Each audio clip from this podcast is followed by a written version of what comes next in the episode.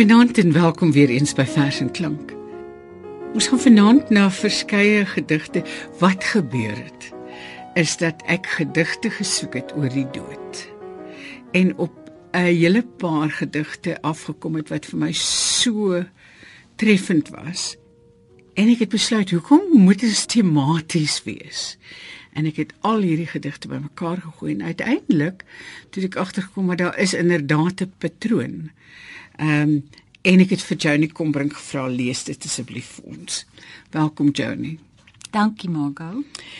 Ons gaan vanaand dus 'n allegaartjie van gedigte hê, maar daar is geen oorkoepelende tema of digter nie. Ek wil hê ons moet begin met 'n vers van PW Buys, wie se werk ek regtig nie ken nie. En hierdie gedig wat ek in die Komrey bundel gekry het, het my so aangegryp dat ek alles begin lees het wat ek kon kry oor PW Buys. En vir die wat hom nie ken nie, ehm um, hy was 'n uh, predikant gewees in die gereformeerde kerk dink ek. En hy het later was hy in die akademie gewees en later sy terug na die preekstoel toe. En uiteindelik het hy na hy afgetree het baie goeie werk begin doen met bejaardes. En kom ons luister na die vers Ek wil nog eendag. Nou dat ek oud word en al meer van mymer en herinnering leef, groei die behoefte in my hart. Ek wil voordat ek eendag sterf, een môre ergens op my werf gaan sit en heeldag huil tot al my hartseer opgedroog is en daar geen traan meer in my oog is. Ek wil saam huil met Job wat op die ashoop in die nood is met Rachel oor haar kinders dood is, met Dawid oor die oormag van die bose, met Asaf oor die voorspoed van die goddelose, met Jeremia oor sy volk in ballingskap, met Jesus oor die dood van Lazarus, sy vriend, met Paulus oor die kerk se toestand in Korinte, met Johannes oor die gerugte van die seels en met Oom Diederik oor myself. 'n vers vir daardie dae wat mens opstaan en dink, "Ag, oh, kan ek net asseblief my kop onder hierdie kussing indruk en daar hou vir die res van die dag nie." Ina Rousseau was vir my een van die wonderlikste digters in die sin dat wanneer ek ehm um, haar verse moes voorlees, die klankrykheid daarvan en haar spel met klanke was vir my so wonderlik geweest en so ehm um, imposant geweest. Toe kom ek op hierdie kwatryne van haar af. Op hierdie kleed borduur ek week na week soos jy beduie lewe. Elke steek. O laat my hierdie ingewikkelde patroon voltooi voordat die ragdun garing breek. Ek weet wanneer ek in jou arm skuil. Die wind het buite opgehou met huil. Die wolf en lam wy rustig by mekaar.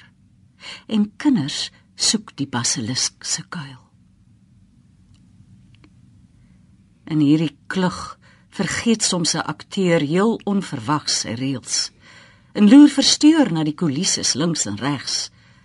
Maar geen so vleur se stem dring tot hom deur.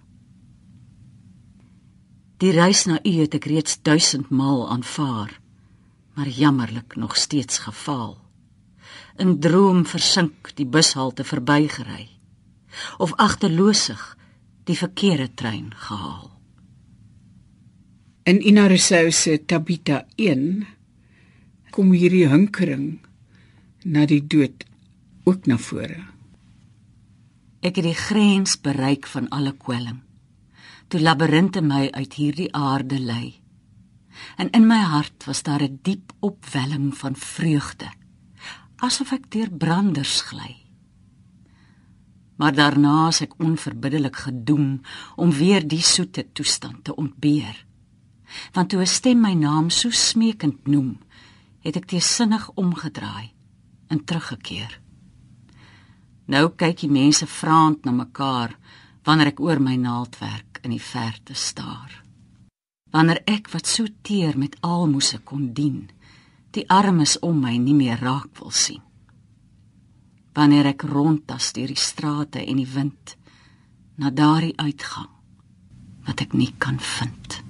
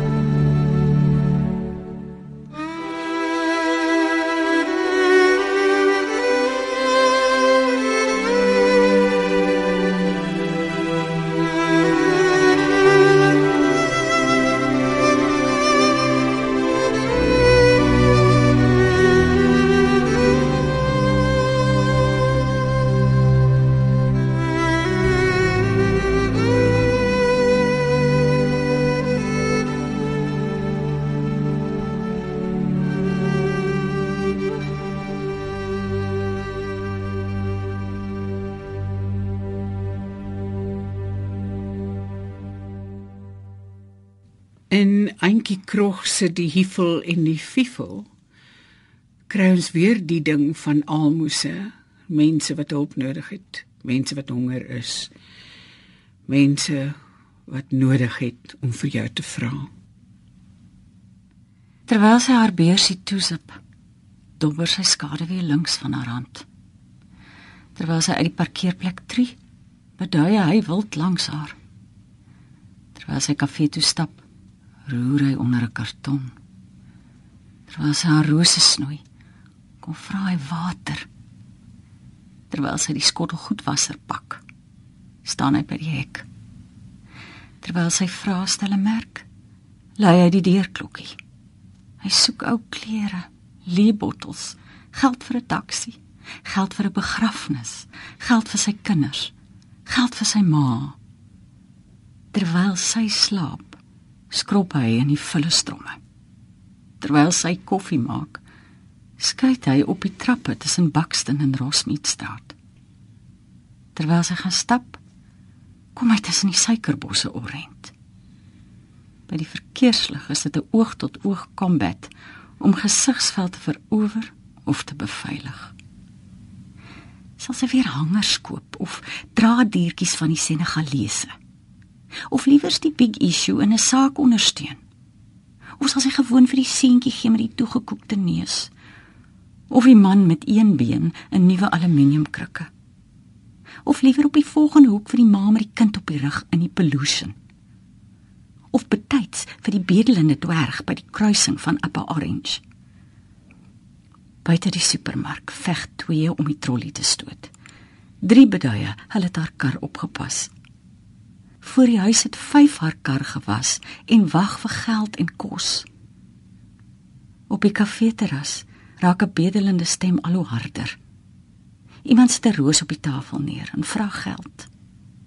Oor die telefoon kollekteer iemand vir die dowes. Oor die pos kollekteer World Vision vir Mteteleli. Terwyl sy sop skep, probeer sy dink. Eisige water stoot deur die shack voor die heater onthou sy. Hulle bondel saam op die enigste bed. By die Moederdam de la Reystraat kruising staan hulle in swygsame rye vir peace job. In Canterbury straat staan hulle in swygsame rye by die sopkombuis. In St George's Mall lê hulle in swygsame rye dol van koue of honger of gom. Die armes kom na haar toe aan vanuit alle uithoeke van die aarde. Hulle drom in die leegte saam en klim op na die bergterrasse. Daar is niks te doen nie of hulle is met haar en haar onvermoë om 'n eerbare lewe in verhouding tot die armes te lewe. Bertolt Brecht het gesê dat slegs die wat honger het, aan die hongeres kos sal gee. Die rykes voed slegs mekaar. Sal haar larynx ooit been genoeg word om haar by die armes te voeg. Vernietig die skanse, die barrikades, die mure, die hegge, die stegge. Bou shacks in die agterplase, plant mielies in die parke, slaap in die karre, eet op die stoepe. Een en bevolk alle woonstelle, alle hotelle, open stalletjies teen die berg, roer pap in die kabelkar, dikteer die stad en vat dit sodat die wat weet hoe om honger te wees die honger is uiteindelik kan voed een van die verskriklike dinge in ons lewens is en nie net in ons lewens nie maar ook in die voor ons dat slawe en werkers se tyd gekoop word met almoses en geld. En een van die gedigte wat my vreeslik getref het, is Sabbat van Vader Bonaventure Hinwood wat hy geskryf het as Hewitt Visser. Om 7 uur verwag die jong nooi eiers en wors vir haar vriende voordat hulle berg toe ry vir die dag en sorg dat hulle mandjies vol gepak is met die piknikkos. Maak rosientjies kons met jam om 10 uur. Die mis met koffie vir haar tennisspelers gee. Hou nooi oom Dries en tant Bes kom vir ete skaapbout, rys, patats, pampoen, droëperske skool. Daarna vars vrugte slaai en roomys. Martha nooi self die tee vanmiddag maak sodat jy kan rus. Maar sit eers die koppies reg met suiker en melk. Klitse room en smeer dit op die koek. Die baas bring seiljagvriende vir 'n drankie.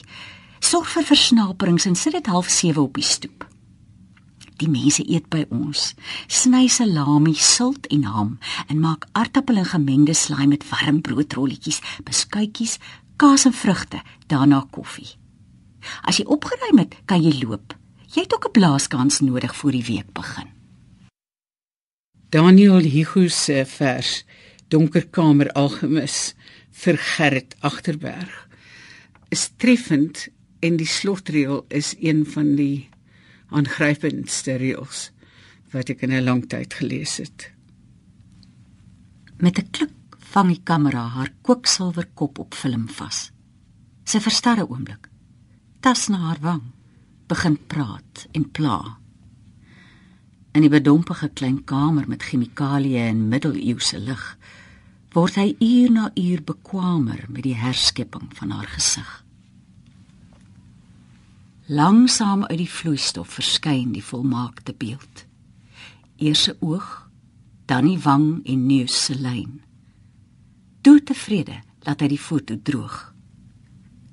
Later as hy die bak uitspoel, lê daar klam en onverklaarbaar 'n goue haar.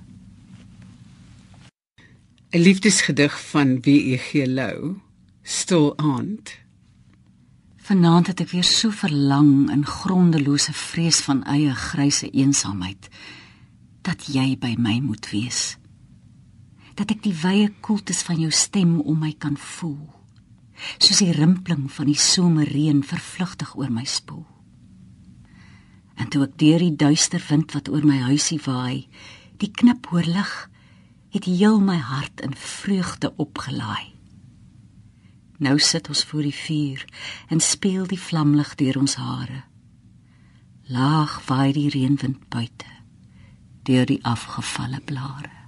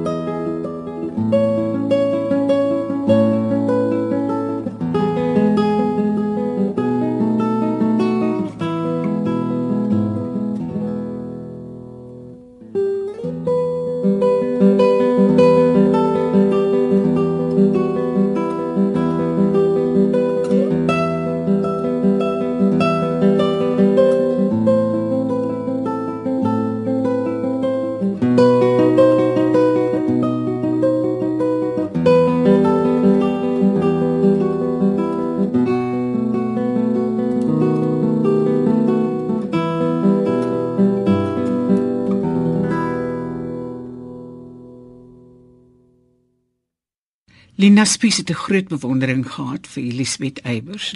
Hulle was baie baie goeie vriende ook. Ons gaan 'n vers lees oor 'n jong dogtertjie en dit kom uit twee gedigte vir Elisabeth Eybers. Jy staan voor my net met jou heuning lyfie. Die see se sout smaak teen jou gladde vel. Sy kleur voorlopig in jou oë bewaar, die sonlig in jou haartjies vasgestryk. Van die laaste klere lastigheid het jy sonder seremonie ontslaag geraak. En skaamte onbewus vertoon die vleesige klein skulp met sy dubbelvou na binne tot die smal gleufie wat voorlopig alle toegang ontsê nou nog haarloos en oesterpink. Totdat op 13 jaar die see sal grys word in jou helder oë. Dan sal jy gretig en angsvallig na die verbode parel soek. Maar die see en naakte son sal jy nooit weer volledig ken nie. Voordat 'n ander vlam jou tot die laaste wit put teen die blaker brand. Ons gaan afsluit met iets ligters en tog is dit dalk nie so lig soos dit op die oor afklink nie. 'n Doos met rose op van Annie Klopper. In 'n stampvol trein se stampvol hoek tussen Klokkolaan en Bloemfontein staan 'n vrou met 'n doos met rose op. Haar oë se blou is bruin. Haar waterige oë het glase oor. Sy's vuil en haar voete kaal. Haar bruin pink trui het hare op. En haar rubbervel is vaal. Die mense ken al die roosdoos vrou tussen Klokkelaan en Bloemfontein. In haar vuil pink doos met rose op, kriewel daar iets klein. Uit 'n roospink doos in 'n stampvol trein wat ruk met 'n steenkool sang, haal die vuilvoet vrou 'n kykie uit en sy vryf dit teen haar wang. Die mense wat kyk na die stinkvoet vrou in die steenkoolstoom na Bloemfontein, sien 'n vaal pink vrou met 'n roosdoos kat in hulle harte word piep klein. Gaan soek maar na die vuil trui vrou tussen Klokkelaan en Bloemfontein. En haar vuil pink doos met rose op, bære sy jou pyn.